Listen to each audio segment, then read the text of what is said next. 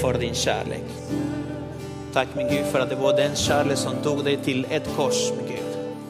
Och på det korset min Gud, du gav ditt liv för att vi skulle få liv Herre.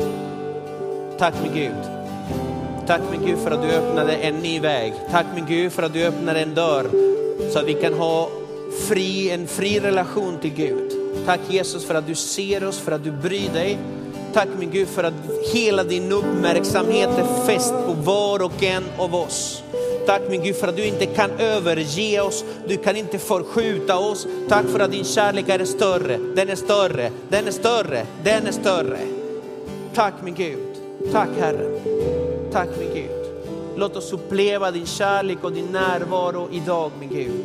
Att du är oss nära.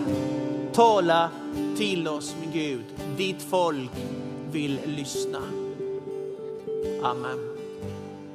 Amen. Varsågoda och sitt. Tack lovsångsteamet. Kan ge dem en, en varm applåd.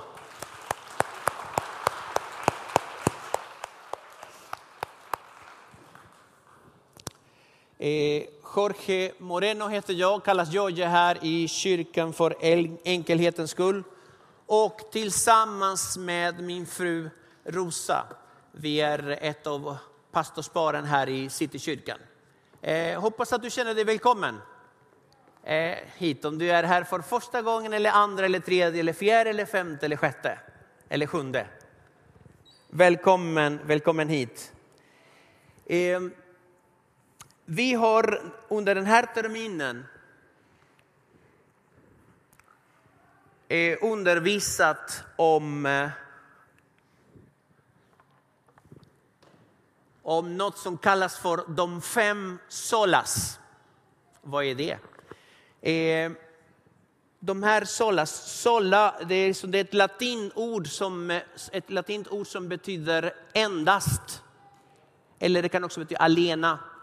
Och eh, de här fem har varit en, eh, en, som fem pelare, fem grundpelare för hela reformationen. Och vi har pratat om de här, eh, vi har pratat om två av dem. Sola gracia, endast nåd eller nåden alenas. Eh, vi har pratat om eh, sola fide, som betyder endast tro eller tro alena. Och nu ska vi prata om solus Kristus. Där har vi den. Får se om det här funkar. Så ja. Salus Kristus. Precis. Och Kristus alenas. Eller endast Jesus, endast Kristus. Och eh, när när jag tänkte på just det här budskapet gick mina tankar till, ehm, till, en, till en kraft. En osynlig kraft som påverkar var och en av oss här inne. Men var och en av dem där ute också. Som påverkar varje människa på, varje människa på denna jord som påverkar varje djur som finns på denna jord. Som påverkar varje trä och varje blomma och allt levande som finns på denna jord. Men den påverkar också det som inte är levande på denna jord. Den osynliga kraften jag vill prata om är gravitationen. Ah. gravitationen, dragningskraften som gör att allt dras, allt, allt dras till jordens mitt. Och ju äldre man blir desto mer känner man av den. Det var någon som sa amen, jag vet inte vem det var. Vi ska inte peka på den personen. Men, men det känns av det i, den fysiska, i den fysiska världen. Och, och jag funderade ett tag om finns det en gravitationskraft? Finns det en dragningskraft även i det andliga? För vi människor är inte bara fysiska varelser, vi är också andliga varelser. Finns det något i den andliga världen som drar till ett centrum, till ett epicentrum, till en till mittpunkt? Och jag när jag läser Bibeln tycker mig jag har hittat några texter, bibeltexter som talar, som talar för det, att det finns. Att det finns. Och det är Jesus Kristus. Kristus alena. Endast Kristus. Mittpunkten av allt. Eh, vi brukar säga till exempel att vi är sökande. Någon kan säga, ja men jag är en sökande människa, jag söker efter Gud. Men ska vi prata som det är, ska vi säga sanningen, det är att Gud som har sökt oss först. Vi har en sökande Gud. Och det enda vi gör när vi söker Gud är att respondera på hans längtan, på hans sökande efter oss. Han vill ta kontakt med dig och mig. Vet du vad, det finns ingen människa, det spelar ingen roll vad du heter, var du kommer ifrån, vad du har gjort. Det finns ingen människa som kan springa så långt att Gud inte ser den. Man kan inte springa från Gud. Man kan inte gömma sig från Gud. Herren ser precis allt och hans ögon är fästa på var och en av oss. Ibland kan vi gå igenom livet genom tuffa perioder och det känns som att Gud inte ser oss. Det känns som att Gud inte bryr sig. Men sanningen är att han kan inte glömma dig. Sanningen är att han inte sluta att älska dig. Sanningen är att hans ögon är ständigt fästa på dig. Du har en Gud som är väldigt, väldigt intresserad av dig. Och inte bara, han vill inte bara titta på dig, oj vad fin han är. Utan det han vill det är att han vill dra dig närmare sig, sig själv.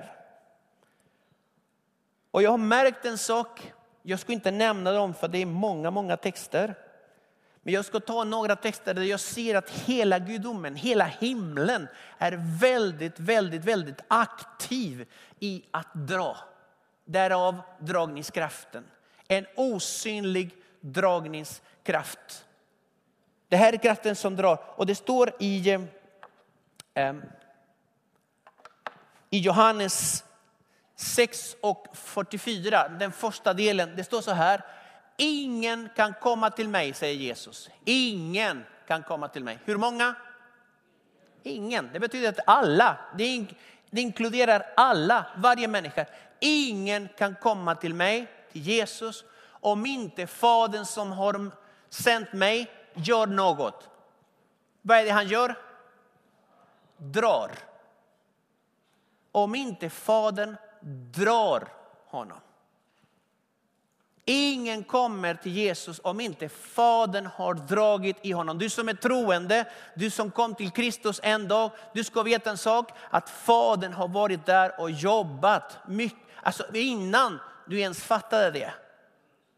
Och drar och drar och drar. Fadern drar hela tiden och han drar till en punkt, till ett mittpunkt och det är Kristus alena.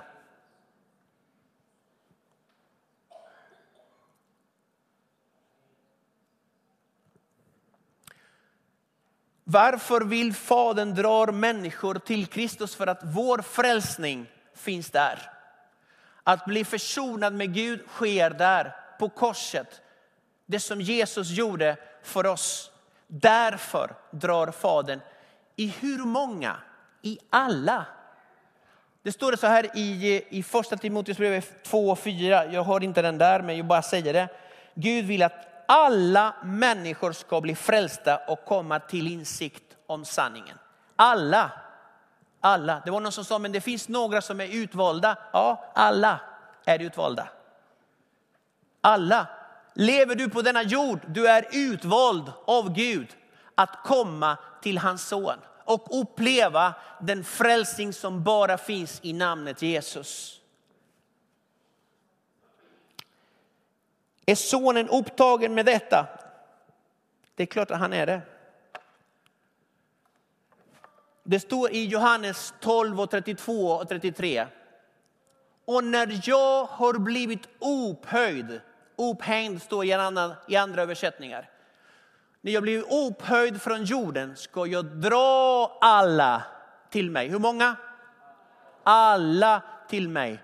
Detta sa han för att ange på vilket sätt han skulle dö. När Jesus hänger på korset, det händer någonting i den andliga världen. Det händer någonting. Det är någonting nytt, någonting som inte fanns för nu finns. Och det är frälsning för var och en som tror. Det finns en dörr som öppnas, det finns en ny väg som öppnas, det finns en himmel som öppnas. I namnet Jesus det finns något nytt, ett mittpunkt, ett centrum som är Jesus, endast Kristus. I det namnet, det finns inget annat namn i vilken vi kan få frälsning. Det är namnet Jesus. Jag ska dra alla. Vad sa Fadern? Han vill att alla ska bli frälsta och han drar alla till sonen. Vad säger sonen? Sonen säger jag ska dra alla. När jag ger mitt liv på korset ska jag dra alla till mig. Den helige ande kanske har något att säga också.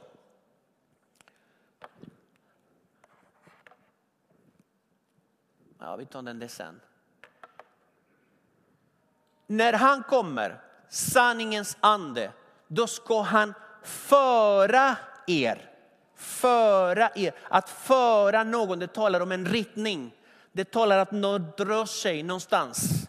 Och åt vilket håll rör sig? Ja, att föra er i hela sanningen. Hela sanningen. För det första tänkte jag på att det var någon som sa, jag är, vä jag är vägen, sanningen och livet. Och det är Jesus. Han är sanningen från Gud. Men sen det finns några sanningar i Bibeln.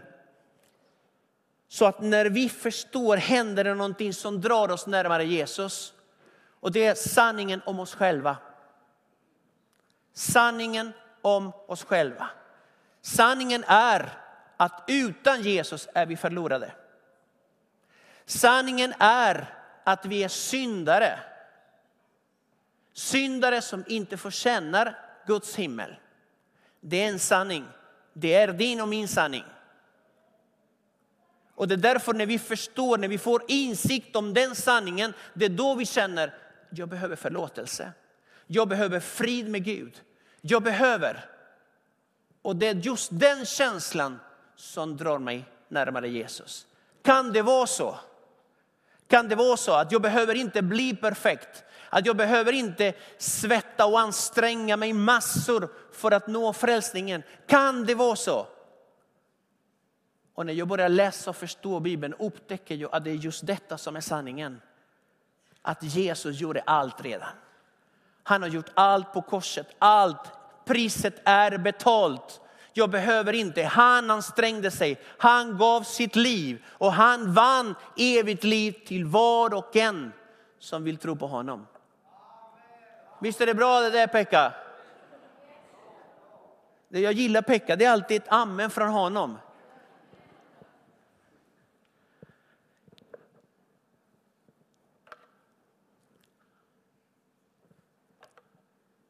Paulus säger till de troende i, Korint, eh, i församlingen i Korint, han säger så här, jag meddelade er det allra viktigaste. Kan du upprepa det allra viktigaste? Vet ni vad det betyder? Allra viktigaste. Att det finns inget som är viktigare än det här. Paulus försöker sammanfatta evangeliet i en mening. Och han säger, det här är det allra viktigaste. Det, här, det finns inget, inget annat som är viktigare än vad jag tänker säga nu. Och då säger han, jag meddelade er det allra viktigaste, vad jag själv hade tagit emot. Att Kristus dog för våra synder. Det var det. Det är det allra viktigaste. Att han dog för våra synder enligt skrifterna. Att han blev begravd, att han uppstod på tredje dagen enligt skrifterna.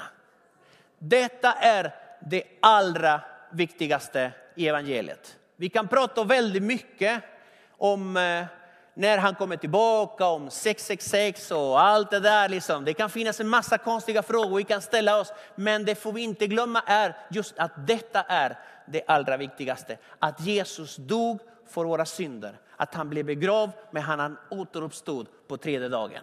Och till det skulle sitta ett amen väldigt, väldigt fint. Det finns någonting i Jesus som drar allt till människor. När han levde här på jorden, det står så här att folk, massorna trängde sig omkring honom. Jag tror inte att det var tiotals personer eller hundratals personer, utan det handlar kanske om tusentals personer som bara trängde sig. Och jag, min fråga är, vad fanns i Jesus? Vad var det för attraktionskraft som gjorde att människorna ville lyssna på honom, se honom? Och jag tror att det har, det har med hans röst att göra. Det har inte med hans röst att göra, förlåt. Det har inte med, med hur han la orden, liksom, utan jag tror att det har med hans person att göra. Jag tror att det har med hans kärlek att göra. Han talade på ett sätt, han tittade på ett sätt. Hela, du fick hela hans fulla närvaro när du, när du var i närheten av honom. Och därför människor sökte sig till honom. De sökte sig till honom. Det finns i Jesus finns en attraktionskraft som gör att man vill komma närmare. Man blir nyfiken på Jesus. Och det är så den här dragningskampen fungerar. Från att jag struntar om han finns till att kan ha funnits? Kan det vara så att det stämmer det Bibeln säger? Det var sådana frågor som fick mig en dag att gå till en kyrka. Kan det stämma? Kan det vara så att de här galna människorna säger det sant? Kan det? Kan det vara så?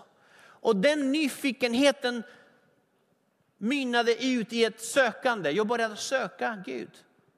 Jag började söka Gud och den sökande tog mig vidare tills en dag jag kom till honom jag kom till hans kors och där fick jag kapitulera och säga Gud, jag vill inte gömma mig längre. Jag vill inte längre springa från Gud. Jag vill inte längre fly från dig, utan jag vill ta emot dig. Jag vill börja någonting. Gud, finns det en chans att du förlåter mig? Finns det en chans att du tar emot mig? Då vill jag vara din vän och då vill jag följa dig.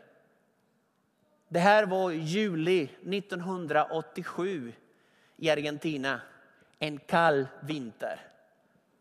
Den dagen glömmer jag inte.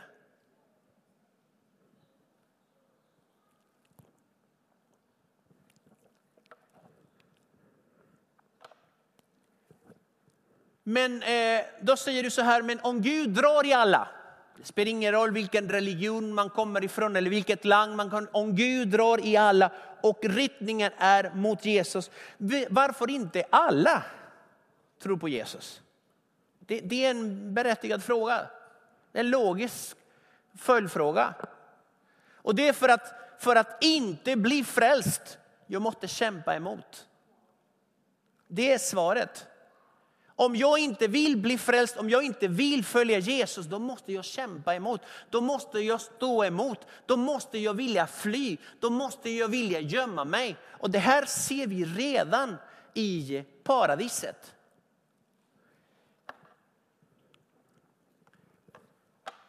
Adam och Eva hade klantat sig. Och det handlar inte om ett äpple. Många gånger tänkte jag det var lite för hårt, liksom bara få ett äpple. Att palla äpple, vem har inte gjort det? I Argentina pallar man inte äpplen. Där jag kommer ifrån, man pallar inte äpplen, man pallar vindruvor. Jag kommer ifrån ett område där det finns väldigt mycket så här, vinproduktion. Så är vindru, alla har vindruvor, grannarna också. Därav att man pallade vindruvor. Och varma vindruvor mitt i sommaren, det är inte att rekommendera. Man får problem i magen om vi säger så. Men det gjorde man ändå när man var barn. Ja, som sagt, Adam och Eva, så var det. Vid kvällsbrisen hörde de Herren Gud vandra i lustgården och mannen och hans hustru gömde sig för Herren Guds ansikte bland träden i lustgården. De försökte gömma sig. Jag tror att det är ett problem vi människor har, det är att när man inte har en bra relation med någon det man gör är att man gömmer sig, man försöker inte ens titta mot det hållet. Och jag tror att vi har många människor runt omkring oss som gömmer sig från Gud. Som jag sa i början, det går inte att gömma sig från Gud. Utan Guds dragningskraft fungerar. Det spelar ingen roll om jag ignorerar den, det spelar ingen roll om jag förnekar den. Det spelar ingen roll om jag försöker gömma mig eller fly från den. Dragningskraften fungerar ändå. Och det är den här kraften som känner många gånger att människor känner sig pressade och trängda i ett hörn. Så berättade min pappa för mig för många år sedan.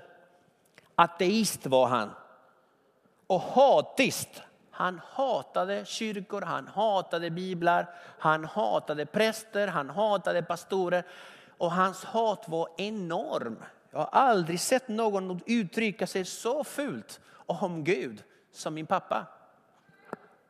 Men den här kraften fungerar ändå. Och den trängde honom på något sätt i ett hörn tills han kom till en punkt där han kapitulerar och säger Gud, jag vill inte längre det här utan jag vill något annat. Han, eh, han bråkade med min mamma, min mamma var troende. Och eh, de kom till en punkt där, där, eh, där han sa till min mamma ungefär så här. Ah, Okej, okay, men hur funkar det här? Hur funkar det här med frälsning? Hur funkar det här med Gud? Och då sa min mamma, vi kan be tillsammans en bön. Och det var att du säger till Jesus att han får komma in i ditt liv och that's it. Ungefär så. Ah, du får be. Du får be. Jag tänker inte be. Och jag tänker inte stå och jag tänker inte lyfta upp armarna och jag tänker inte gråta. För det där är bara löjligt. Jag gör inte sånt. Du får be och jag ska meditera på vad du säger. Och min mamma gjorde det. En enkel bön. Jesus, kom in i mitt liv, förlåt mina synder. Här är jag och lämnade, jag lämnar mig i dina händer. Och när hon öppnar ögonen igen, då ligger min pappa på bordet. Och då tänkte min mamma, ah, så fruktansvärt jobbig han är. Han kan inte ens vara vaken på en minuts bön. Men grejen är så att det gick inte att väcka honom. Min pappa hade svimmat.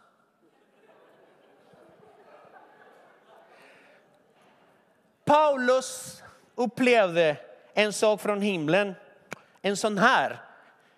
Så han ramlade från sina höga hästar och min pappa behövde också det. Min pappa kan inte relatera till det som hände. Utan han säger, jag, jag, jag försvann och jag kommer tillbaka typ. En dag, två dagar senare. Jag vet inte riktigt vad som hände under den tiden. Men det jag, kan, jag upplevde var att när, när din mamma bad för mig, berättade han för mig. Det var som att en osynlig hand kom in i mitt hjärta, tog ett papper, ett register med alla mina synder på, skrynklade ihop det och slängde den. Jag upplevde en sådan frid som jag har aldrig någonsin upplevt. Och då upptäckte jag att det var den friden jag har letat efter i hela mitt liv. Det här var en onsdag, en torsdag. Sen kommer söndagen och då säger han till min mamma, nu ska vi till kyrkan. Och min mamma blir så här, vad hände här? Och då kommer han, han ställer sig nästan längst fram, står upp med uppsträckta händer, gråter och prisar Gud. Och när min pappa berättar detta för mig, jag tänker, vem bytte min pappa? Alltså för det här är inte min farsa. Gud kan göra sånt. Gud kan göra sånt. Amen.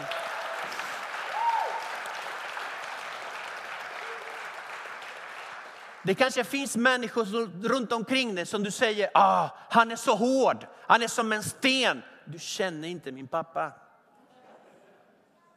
Han är så emot, hon är så emot min mamma, min pappa, min bror, min man, min fru, mina barn, mina barnbarn. Det finns inga omöjliga fall för Gud. För vad? Gud ger aldrig upp. Han drar och drar och drar och drar. Och han drar inte våldsamt.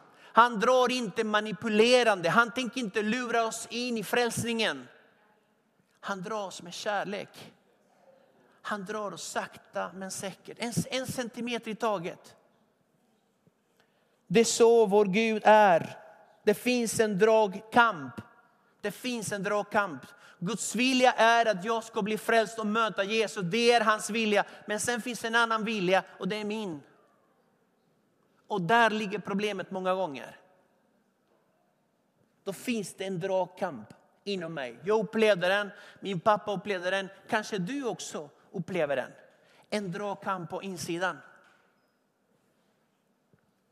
Men jag vill säga en sak, att Gud ger inte upp. Han söker dig, han väntar på dig.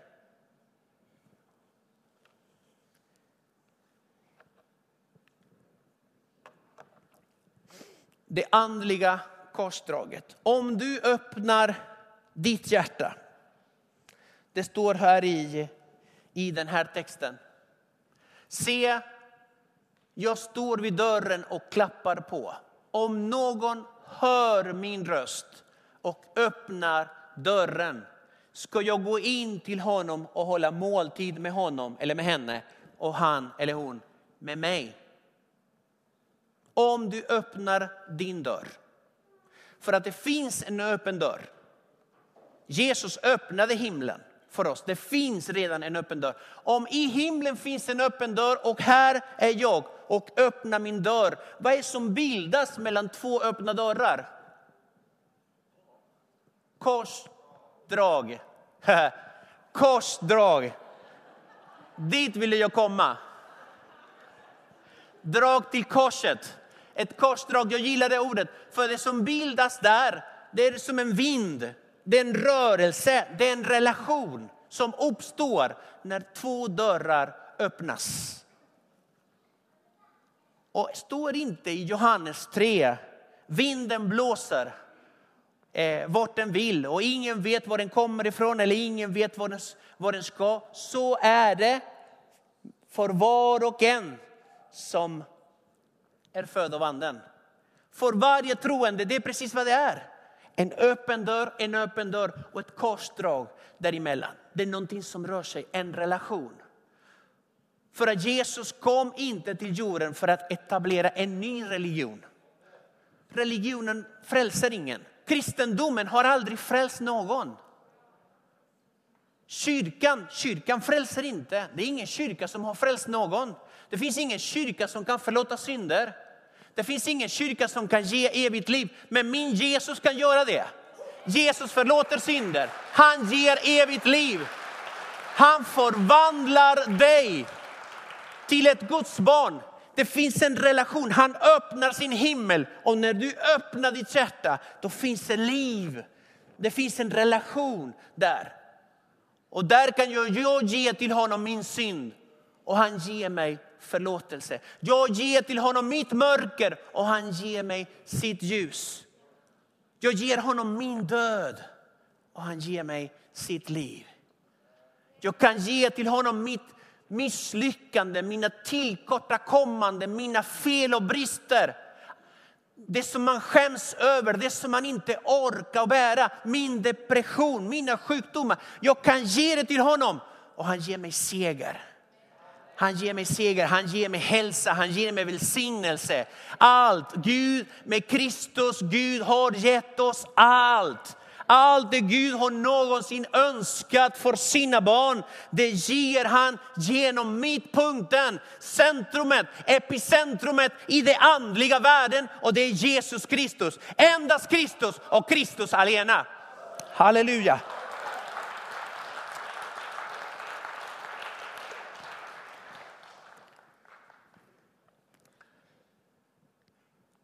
Dragningskraften drar allt neråt, det sa vi i början. Den fysiska dragningskraften då drar allt neråt, men den andliga dragningskraften drar uppåt.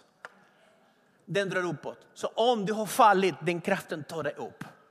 Det spelar ingen roll hur många gånger du faller, det spelar ingen roll hur många gånger du misslyckas. När du har Jesus i närheten, han kommer alltid att sträcka ut sin hand och ta dig upp. Det är den andliga dragningskraften. Den kraften kommer alltid att dra dig närmare honom, Jesus. Och den kraften kommer alltid att dra dig upp till himlen. Jesus sa, jag gör och förbereder plats åt er för att där jag är ska ni också vara. Det här är en kraft, en osynlig kraft som drar i oss alla och alltid närmare Jesus, närmare Jesus, närmare Jesus. En sista text. Och med det vill jag avsluta. Källan till dragningskraften är kärlek. Det är Guds kärlek.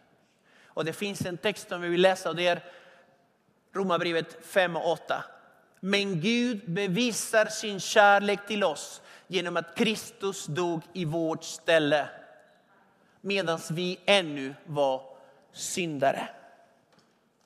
Det är Guds kärlek som drar oss i oss, som vill dra oss närmare. Det är hans kärlek. Och detta har han bevisat när vi inte ens förtjänade det. När vi var syndare, när vi förnekade hans namn, när vi inte ens levde på honom, när vi inte ens kastade en tanke på honom. Så han älskar dig inte för att du är kristen. Han älskar dig för att han är din skapare.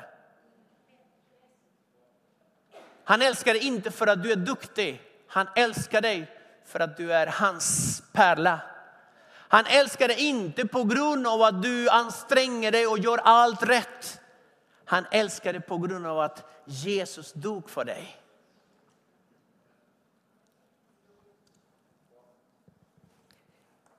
Jag har haft tuffa tider i mitt liv. Och jag har upplevt ibland att det känns som att Gud inte bryr sig. Det känns som att han inte älskar mig. Det känns som att han är borta. Och jag kommer ihåg en gång, det, det ska du inte göra, men jag gjorde det. Då sa jag till Gud, det märks att du inte älskar mig. Och jag upplevde en, vad heter det? En liten tillrättavisning från Gud. En, en sån där peppe, peppe, peppe från himlen. Peppe, peppe, peppe. Och då fick jag en sån där, kan en mor glömma frukten av sitt sköte? Ja, även om hon gör det, jag gör inte det. Se ditt namn står skrivet, inristat, upptecknat på mina händer. Dina murar står ständigt inför mig. Jag kan inte glömma det. Jag kan inte sluta älska dig. Jag kan inte. Jag, jag bryr mig på ett sätt som du inte ens anar. Det var svaret ifrån Gud. Från den dagen, för när Gud talade då hände något. Från den dagen har jag aldrig mer ifrågasatt Guds kärlek. Så även om jag går igenom problem, även om jag har mina frågor. Det första jag säger är Gud, jag tackar dig för att du älskar mig. Även om jag inte upplever det just nu. Men du älskar mig. Du kan inte sluta att älska mig. Herren drar och drar i oss alla och drar oss närmare Jesus. Vi kommer att ha nattvarden om en liten stund. Låt det här, för det här är en symbol för det Jesus gjorde för oss på korset. När du tar brödet, när du dricker den där lilla, lilla koppen. Tänk på dina behov. Tänk på vad han har gjort och tänk på effekterna av det han har gjort i din situation. Kom fram och ta det med, med tro och förvänta dig att Gud kommer att säga något, att Gud kommer att göra något. Guds dragningskraft, Kristus alena.